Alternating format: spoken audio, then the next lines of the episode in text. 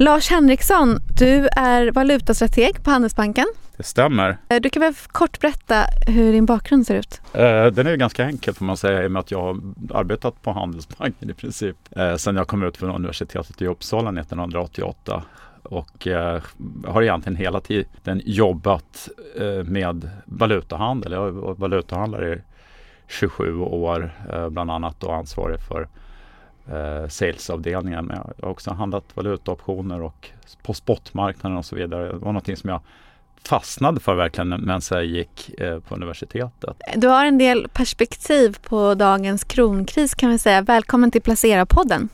Tack så mycket. Har vi sett botten för kronan? Alltså det där är ju en väldigt svår fråga och sen får man fundera lite grann på vad man menar med botten. Tittar man indexmässigt då, det kronindex som Riksbanken använder och som kallas för KIX-index så är vi ju, får vi säga, fortsatt ganska långt ifrån botten, i alla fall typ 3-4 procent. Men eh, Alltså 3-4 från de bottnar vi såg nu. Vi är ännu längre ifrån idag. Men vi har ju haft en lång trend egentligen av en svagare krona. Ända sedan jag började handla valutor och egentligen innan dess också. Vi, hade ju en vi var ju en devalveringsekonomi. Vi hade ett antal devalveringar sent 70 och tidigt 80-tal. Så att jag tror att ska man titta på den långsiktiga trenden så är väl egentligen svaret nej. Men om vi, vi kommer ju att nysta lite grann i det där nu. Vad är de långsiktiga trenderna och vad, vad, vad kommer att hända lite mer på sikt? Det finns, tycker jag, det väl ändå anledning att tro att om man ser det över ett långt perspektiv så finns det ändå en vändning för kronan någonstans. Var, var, hur kommer det sig att vi hamnade där vi gjorde då? Nu är vi ju som sagt på ganska extrema nivåer. Men om man sätter den i linjal och tittar på vad som har hänt sedan kronan släpptes då 92 och det var jättestor kris eh, så har den ju konstant försvagats. Hur kommer det sig? Ja, jag skulle säga att tittar vi tillbaka till 70 och 80-talet då som vi pratade om tidigare. Då, då, var det ju i mångt och mycket en kostnadskris i Sverige. Det på så vis skiljer sig den tidens svaghetstrend från dagens. Det var liksom inbyggt i, på något sätt i det svenska ekonomiska systemet att vi då hade ju högre inflation än omvärlden, eh, kraftiga löneökningar och så vidare. Och det här då utlöste då, vi hade ju en krona som var bunden först med valutaormen och sedermera mot eh, eurons föregångare ecun. Men återkommande då så devalverade vi mot de här eh, så att säga fasta växelkursregimerna på grund av att eh, våra kostnader då stack iväg för mycket relativt omvärlden. Och, och hur hamnar vi där vi är idag? Vi har ju haft en del kriser på vägen men då var det ju att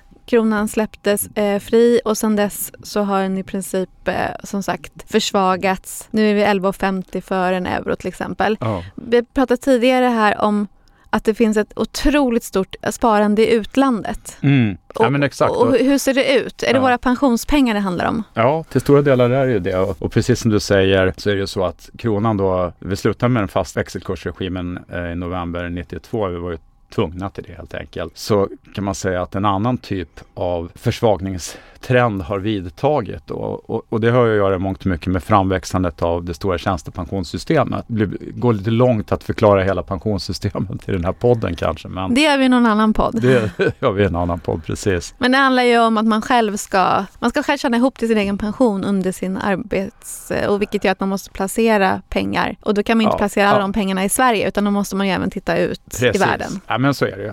Eh, grund och botten kan man ju dela igen det i buffertfonderna som är AP-fondsystemet och sen så tjänstepensionssystemet och så premiepensionssystemet. Men, och det fanns ju ett, ett vanligt eh, allmänt pensionssystem redan då. Det som växte fram var ju tjänstepensionssystemet och det är ju den absolut största delen av pensionssystemet i dagsläget. Och där, precis som du säger, är ju mycket högre utsträckning då beroende på vilken arbetsgivare och vad man har för typ av pensionslösning det här har ju vuxit något enormt och vi sitter ju här vid, på Avanza eh, vägg i vägg med, med eh, den största av dem alla, Alecta då till exempel. Och eh, där eh, var ju någonting som tog fart verkligen i mitt på 90-talet. Och i samband med det så tog också vårt utlandssparande rejäl fart. Och det är klart, pengarna från utlandssparandet kom ju från eh, våra, också någonting som skedde då att vi fick väldigt kraftiga bytes och handelsbalansöverskott och det har vi egentligen haft sedan dess. Och, och Men enligt skolboken, borde inte det vara bra för den svenska kronan då? Jo, absolut. Men eh, nu, nu sker ju det här på bekostnad av ett högt utlandssparande. De pengar som vi skrapar ihop då när vi säljer varor och tjänster till utlandet, eh, enkelt uttryck, de eh, väljer vi att placera då i utländska tillgångar. Det här är också unikt får man säga i ett europeiskt perspektiv för svenska sparare eftersom vi har en egen liten valuta så är vi känsligare för inflation utomlands och då vill man ha en andel eh, utländskt eh, i sitt pensionssparande för att ja, försvara sin köpkraft till den dagen man har gått i pension helt enkelt. Det behöver man ju inte göra i Tyskland om man då till exempel eh, där man redan har euro. Kan vi dra en parallell då till den norska kronan som ju också är på bottennivåer? Som ju har den norska oljefonden där mycket, otroligt mycket kapital kommer mm. ut ur landet.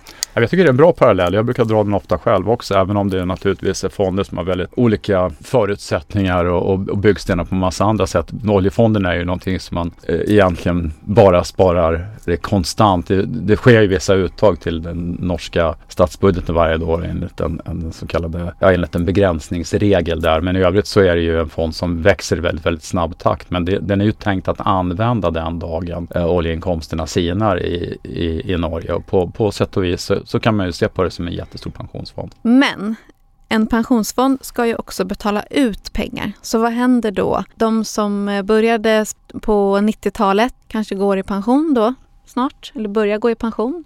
Det, måste, det handlar om ganska mycket belopp. Vad händer då? Kan man förvänta sig då att kronan det talar för kronan i framtiden då? Vi kan ju redan nu se att den här motvinden från vårt höga utlandssparande ändå minskar. Eh, tittar man på AP-fondsystemet så, som ju också har stora pengar utomlands, så, så är, är ju utbetalningarna nu större än inbetalningarna. Det innebär inte att fonderna minskar i sig eftersom vi har haft så kraftiga värdetillväxter så att de det så att säga täcker upp för de här utbetalningarna. Men där ser vi ju en minskning. Men i tjänstepensionssystemet som är yngre och även premiepensionssystemet så, så ser vi ju inte det på ett tag och, och det, det ligger en bit bort. Det ligger det ligger nog uppåt tio år bort innan det vänder och blir en utbetalning i alla fall. Vi vet inte ens hur det blir då. Det beror ju också på hur, hur det går med de stora första kullarna av första och andra eh, generations eh, eh invandrare hur snabbt de kommer in på arbetsmarknaden ja, helt enkelt. Och börjar tjäna upp sin egen tjänstepension och så vidare. En annan sak vi pratade lite innan här som du nämnde, det är också att som sagt vi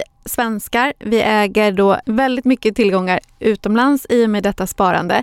Hur är det med utlänningar i Sverige då? Borde inte de äga eh, någonting här som jo. gör att kronan i sin tur kan stärkas? Så är det ju. Det är inte bara så att det är vi som får eh, att säga, inkomster från utländska placeringar utan det finns ju även då, man brukar prata om nettoställning mot utlandet och det, det kan man säga då, så att säga, vårt samlade sparande och investeringar i utlandet minus vad utlänningar har för placeringar och investeringar i Sverige. Och det, det där har ju växt, alltså vårt överskott gentemot utlandet. Men nu är det väl så att en stor del av utlänningars tillgångar i Sverige består av korta lån till framförallt det svenska banksystemet, finansierar en väldigt stor del av vår skuld i utlandet för den svenska upplåningsmarknaden är lite för liten. Det är billigare att låna i utlandet, det är mycket mindre spreadar och så vidare. Och de räntor vi betalar till utlandet för de här lånen, de, de kommer inte de att återinvestera i Sverige på samma sätt som vi återinvesterar avkastningen på aktier och obligationer då som vi har i vårt pensionssparande. Så att det gör liksom att det ständiga flödet ändå inte riktigt räcker till. Så utlänningarnas eh, avkastning försvinner ut ur Sverige medan svenskarnas avkastning utlandet stannar kvar i utlandet. Så, så tror jag man förenklat kan se på det. Men, men jag tycker också att det är intressant om man pratar om det här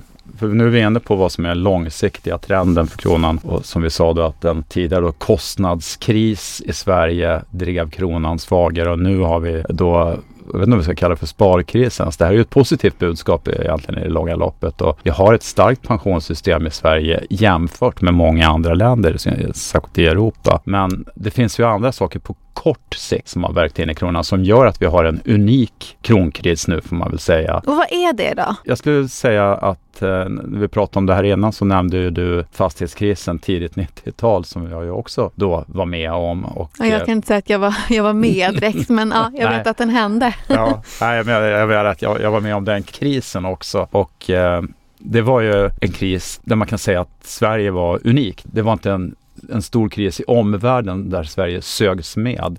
Eh, nu hade vi ju inte en krona som flöt då Så det skulle ju dröja något år till innan 92 då när kronan flöt. Men vi hade ju ändå en, eh, en rejäl kris eh, i Sverige på grund av en överspekulerad fastighetsmarknad. Tittar man på alla andra kronkriser vi har haft sedan dess egentligen, sen kronan flöt, men då har, då har det varit en del av en större kris. Till exempel den Asienkrisen, Rysslandskrisen, dotcom-krisen där Sverige förvisso då var extra insyltat på grund av våra stora bolag i den, inom den sektorn. Men, men det var ändå en, också en internationell kris. Inte minst Lehman-krisen sedan dess också, eller vad vi nu vill kalla den stora finanskrisen 08-09. Men det handlar ju även idag då, precis som 91, om att Sverige är lite singled out som en ekonomi som ser extra riskabel ut och bakgrunden till det är ju värd att fundera över verkligen. Eh, hur ser det ut? Och det, det som då driver den här krisen i framförallt utländska investerares ögon, det är ju då synen på den svenska fastighetsmarknaden. Ja, och i, i sin tur är man orolig för bankerna också då, eller? De här utländska investerarna? Ja, men man är ju det och eh, vi är ju, säg nu kommer jag från banksystemet här, men väldigt... Du, ja, du är lite partisk där, men eh, ja, ja, jag tror ja. ändå att du kan ge kanske en... Ja,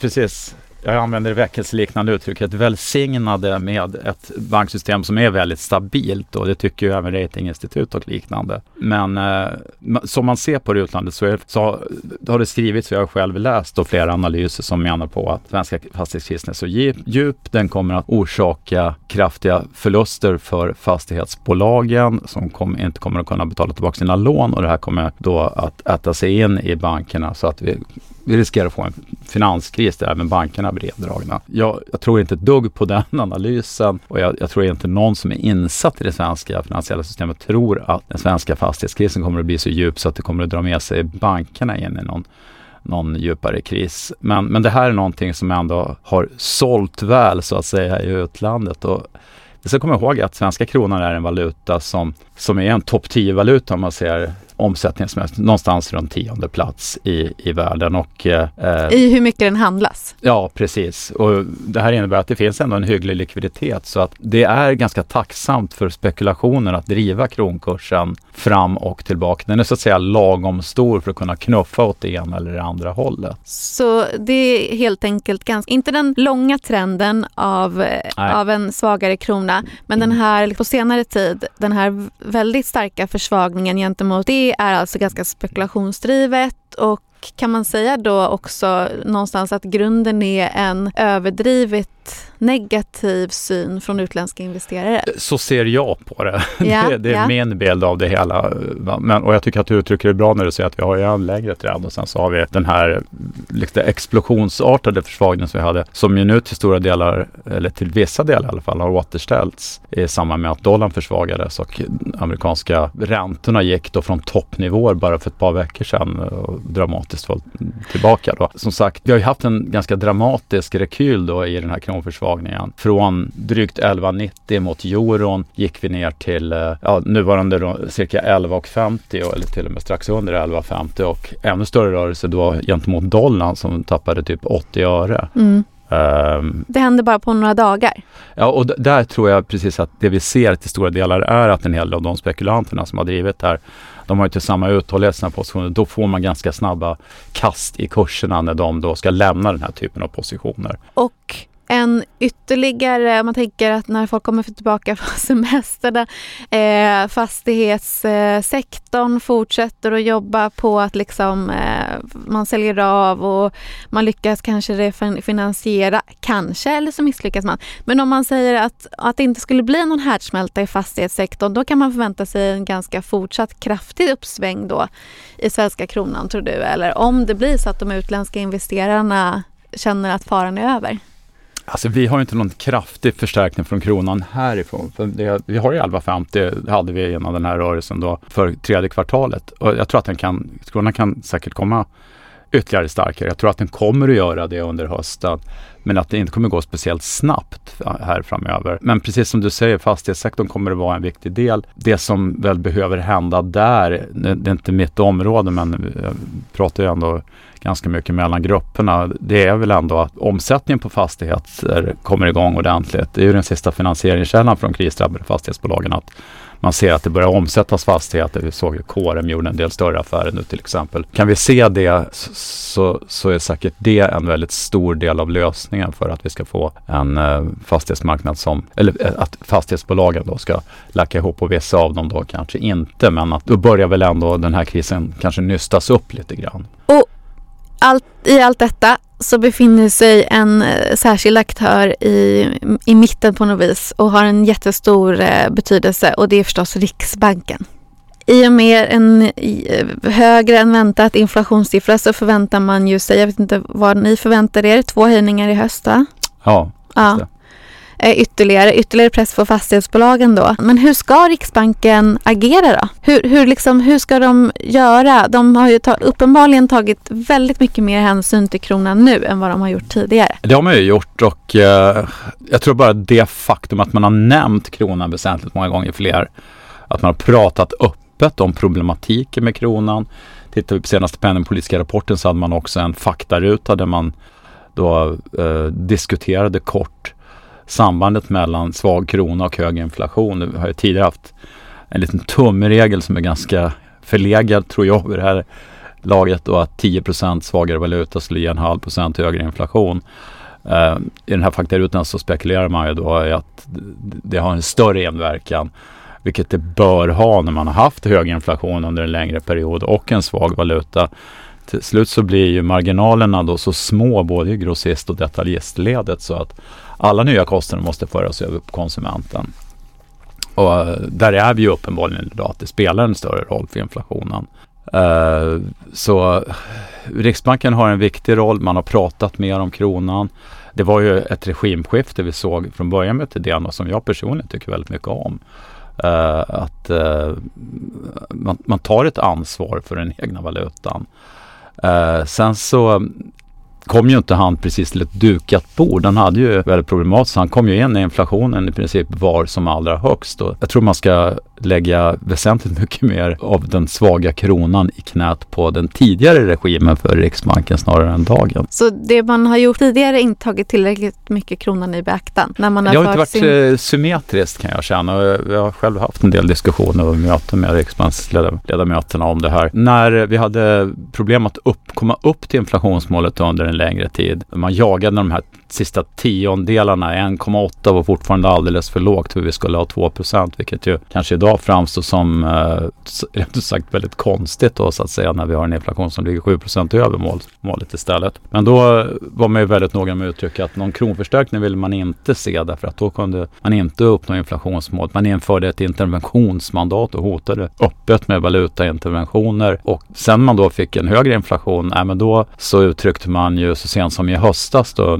när när det fortfarande var Ingels regim att eh, kronan var liksom ingenting som man kände att man kunde göra någonting åt. Det var ingenting som man öppet pratade om. Och där fick vi ju en väldigt stor skillnad när Thedéen kom dit. Och som sagt, han har, har ett väldigt, väldigt svårt jobb. Att Riksbanken har begränsade möjligheter att påverka kronans värde. Det, det ska man ha klart för sig. Men jag tycker man har gjort väldigt mycket det man kan. Interventioner är jag ingen förespråkare för. Vissa eh, under, höjde väl lite på ögonbrynen när Riksbanken nu vid senaste beskedet skickade ut och gav besked om att man eh, övervägde att valutasäkra en fjärdedel var det va? av eh, sin valutareserv, eh, vilket handlar om drygt 100 miljarder kronor. Och man var också tydlig med att säga att det inte var en intervention. Men det får ändå en effekt. Vad säger du? Vad tror vad tänker du om det? Absolut. Jag, jag, jag, kan tycka att det är ett märkligt besked på, på vissa sätt. Jag, jag, vet inte. Här har man mycket kvar att förklara från Riksbanken skulle jag vilja säga. Varför man gör det överhuvudtaget? ja, man... men alltså det, det, har man ju angett äh, skälet till och det säger man att det är av förvaltningsskäl då egentligen. Att man riskerar att förlora alldeles mycket pengar på valutareserven, framförallt dollarna. Och man har sagt att det här är inte en intervention. Jag, jag, kan tänka, jag misstänker ändå att det finns interventionistiska anledningar någonstans i bakgrunden också. Men, men tror väl ganska... En bonuseffekt. Ja, ja, så kan man väl uttrycka det. Men jag tror ändå att på Riksbanken när de säger att huvudanledningen är att man inte vill förlora pengar på kurs risk, alltså att det är för hög kursrisk då. Kronan är väldigt svag. Får man en förstärkning, man pratar om att om man skulle få en förstärkning av kronan till samma nivå som det var i ingången av 2022, då skulle man tappa 60 miljarder kronor. Och man har nu redan förlorat väldigt mycket pengar på obligationsdelen av portföljen och tvingas gå och söka efter nytt eget kapital. Att man då inte vill hamna i den situationen igen och då skulle man hedga en del av valutadelen. Vilka förklaringar vill du ha av Riksbanken? Nej men så här, det, det, är klart att det här får ju ändå penningpolitiska konsekvenser. Och vad man säger nu det är egentligen då att eh, förvaltningshänsyn då så att säga, förvaltningsresultatet eh, ska då ha en, kommer ju faktiskt i det här tillfället då att det skulle ha en, en, en viktigare inverkan på besluten på Riksbanken än de penningpolitiska. Det verkar ju lite knasigt. Så jag tror att man behöver göra ytterligare förklaringar vad det gäller det här. Men, men vad det gäller vad, vad, effekterna blir av den här affären, ja, men då får man nog säga att det kommer bero väldigt mycket på under vilken, vilken tidsperiod Riksbanken då skulle köpa de här 100 miljarder kronorna. Eh, när, man, när man sålde då ungefär samma belopp från tidigt 2021 framöver förra året, gjorde man ju det över ett par års tid. Och då fick det ju inte så stor effekt. Men ska man nu hedga det, då får man väl gissa att man kommer att göra under en väsentligt kortare tid. Och det är klart, Kommer man ner till sex månader eller kortare, då kommer det ju ha en effekt på den svenska kronan, absolut. En annan aktör som har varit ute och sagt, eh, jag intervjuade, han har avgått nu, men Rickard Göttheim som var VD på Sjunde AP-fonden som sa att de har ett, då ett liksom ska utreda ifall de ska eh, valutasäkra. Och jag pratade då med eh, Sjunde AP-fonden och frågade hur det gick med det här. Och de hade väl inte kommit så långt när det kom till eh, hur de skulle göra med aktieinnehavet. Jag skulle säga att det är ju nästan alltid ju i utländska investeringar när det kommer till aktier,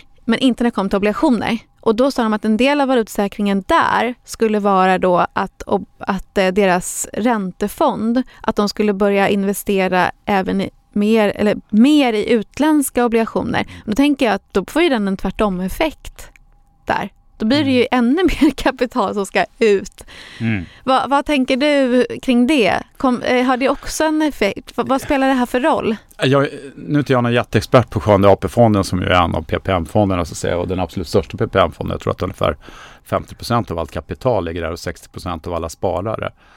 Men eh, eh, det är ju så i alla fall att det är väl 950 typ miljarder kronor som ligger då i aktier eh, i den fonden. Sen har man en räntefond som ligger på 90 miljarder kronor. Och, eh, så att den är ju väldigt, väldigt aktietung. All aktiedel ligger då i utlandet i utländsk valuta fullt exponerat. Så det är klart. De kommer jag, ju förmodligen inte bara på ett bräde valutasäkra alltihopa. Det liksom, tror jag man kan utesluta. Utan det här är liksom en långtgående process, vilket de också sa att det, är liksom, det kommer ju i så fall ske successivt. Nej men det finns väl olika aspekter på det där. Ehm. Men kan liksom eh, då om Riksbanken börjar eh, hedga och kanske eh, när de här, om de lite större aktörerna börjar skydda sig, kommer det få någon långsiktig effekt eller kan det bli en kortsiktig effekt? Eller vad? Det blir en kortsiktig effekt i sådana fall. Ja. Det är klart att skulle man då välja som du är inne på här att hedga en, en, en del, en fjärdedel där också då, så att säga eh, av, av den, det stora aktieinnehav man har utan då skulle ju det eh, få en kort, naturligtvis, det skulle få en kraftigt positiv effekt på kronan kortsiktigt, absolut. Vi kör en liten sammanfattning här. Vad är det som kan få eh, kronan att gå starkare? Vi börjar med lite mer kort sikt. Om nu Riksbanken eh, höjer räntan två gånger, kommer, kommer inte fastighetssektorn klappa ihop helt? Alltså, jag, jag tror, det tror inte jag. Uh, och jag tror att det som kan få kronan att, man tittar nu över hösten här ändå, att gå lite starkare det är väl att man punkterar den här bilden av att svensk, hela svenska marknaden är på väg in i någon djup kris då som, som är en bild som är ganska etablerad på många håll i utlandet. Och det kommer vi kanske punktera när vi ser att bankerna inte tar så stora kreditförluster, att den största delen av alla, absolut övervägande del av alla fastighetsbolag då ändå överlever den här krisen. Uh, Sen så, som sagt, räntor är svårt. Vi vet inte hur mycket ECB kommer att höja, men det ser väl ändå ut i en prisnivå idag som Riksbanken kommer fortsätta ha nominellt sett en viss, ett visst övertag på euron. Så att om Riksbanken levererar ett par höjningar till under hösten så... Och där, kom, där, där blir inflationen jätteviktig för att om man ska ha realräntan ska ha ett övertag, då blir det då är det lite tuffare. Då måste man ha en minskad inflation. Ja, precis. Så, så, så kan man ju se på det. Vi, kan, vi har inte råd att liksom ligga kvar med en kraftigt mycket lägre realränta än omvärlden. Men eh, vi ser ju att inflationen i Sverige också kommer att vika ner under hösten. Men sen så tror jag att flödesbilden kan vända åt det lite mer positiva hållet också nu när vi ser att amerikanska räntor kommer tillbaks ner. Vi har ju haft kraftstigande räntor. Vi är fortfarande kvar på höga räntenivåer i USA. Egentligen över hela, om man tittar från två, två år och ut, längre ut då så att säga över hela segmentet. Och det här är någonting som, som uh, har plågat kronan. Och det är på kort sikt. På längre sikt, då blir det lite svårare att svara. Ja, nej, men då kommer vi tillbaka till det här vi pratade om förut egentligen mm. med utlandssparandet. Och, utlandssparandet. Och den motvinden kommer att fortsätta men i minskad takt så att eh, jag, tror ändå att eh, vi kommer att få, vi får en mer och mer balanserad så att säga, flödesbild gentemot utlandet. Men, men helt över är inte den motvinden eh, på ett ganska bra tag än. Tack så mycket Lars Henriksson för att du kom hit mitt i sommaren. Tack så mycket.